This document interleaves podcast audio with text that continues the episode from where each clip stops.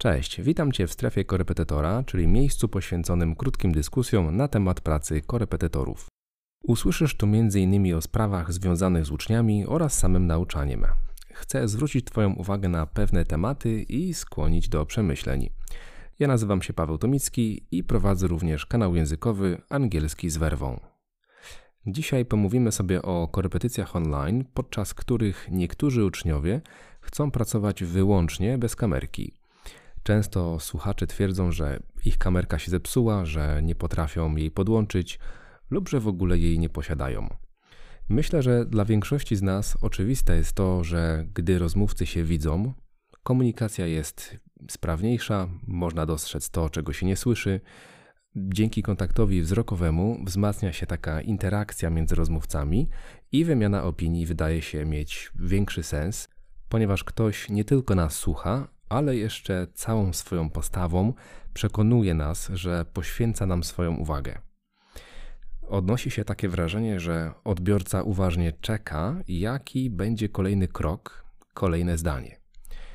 Poza tym, czy kontakt wzrokowy nawet przez internet nie przynosi więcej radości, takiej satysfakcji, uśmiechu, czy nie przypomina bardziej spotkania na miejscu, Ogólnie rzecz biorąc, prowadząc zajęcia właśnie z kamerą, uczeń wie, że trzeba się starać, ponieważ patrzysz na niego i nie ma miejsca na większe czy mniejsze oszustwa.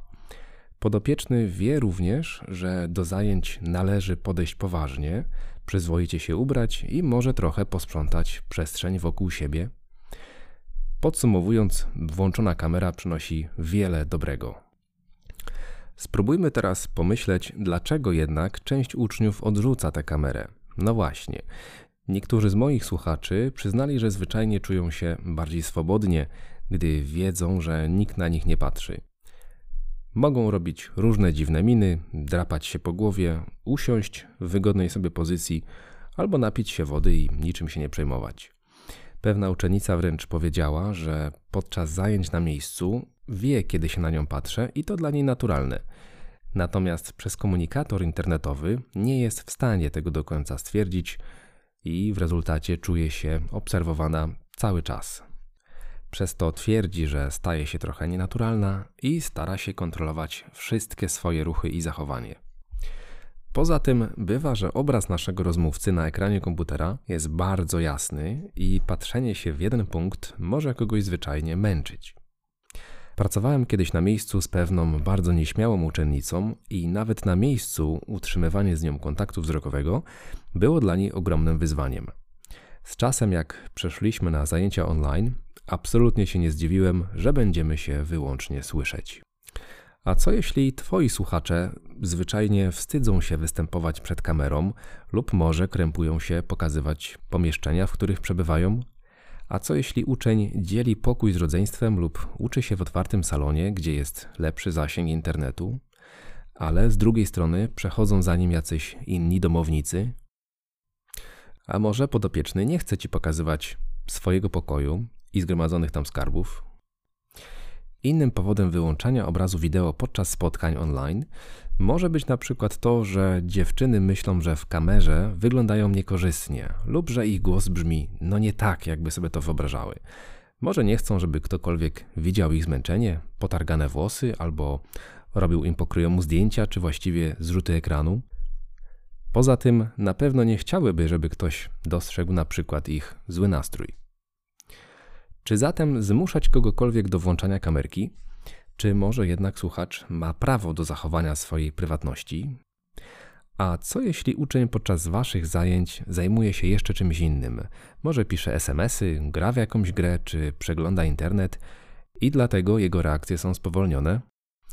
Jeden z moich uczniów poprosił, żebyśmy włączali kamerę tylko co drugie zajęcia, ponieważ nie ma takiego obycia z kamerą i zawsze wyłącza ją podczas zajęć szkolnych online. Czy przystałbyś na takie rozwiązanie? Z pewnymi osobami przyjdzie ci więc pracować bez kamerki i niekiedy nie usłyszysz nawet konkretnych wyjaśnień. Czy jesteś na to przygotowany?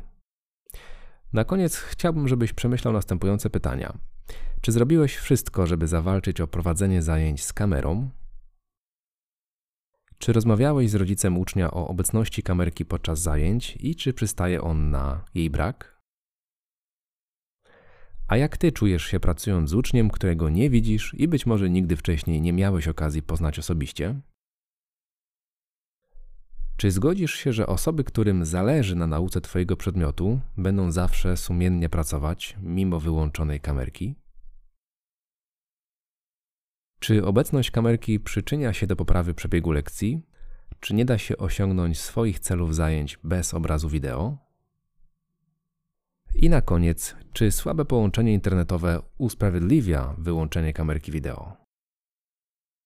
No dobrze, z tymi pytaniami planuję Cię już zostawić. Jestem bardzo ciekawy, co o tym myślisz, jakie masz doświadczenie w tym zakresie.